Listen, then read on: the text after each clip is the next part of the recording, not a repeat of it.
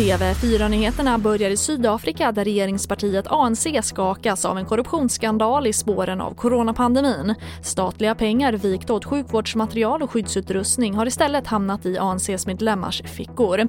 Partiet har hållit extrainsatt styrelsemöte i helgen och landets president har gått till hårt angrepp mot sina partikamrater. Och Indien ser nu en rekordökning av nya coronafall, 78 761 fall på ett dygn. Och det är det värsta smittodygnet i världen hittills. Ökningen sker samtidigt som de indiska myndigheterna har lättat på restriktionerna.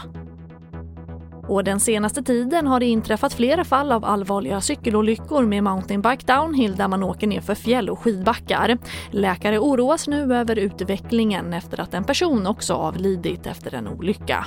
Jag tror att man måste medvetandegöra för, för de som cyklar att det finns en risk för skador, både lätta och allvarliga och, och att man hela tiden måste, måste så att säga bromsa sig lite även om det är roligt och spännande och inte cykla över sin förmåga.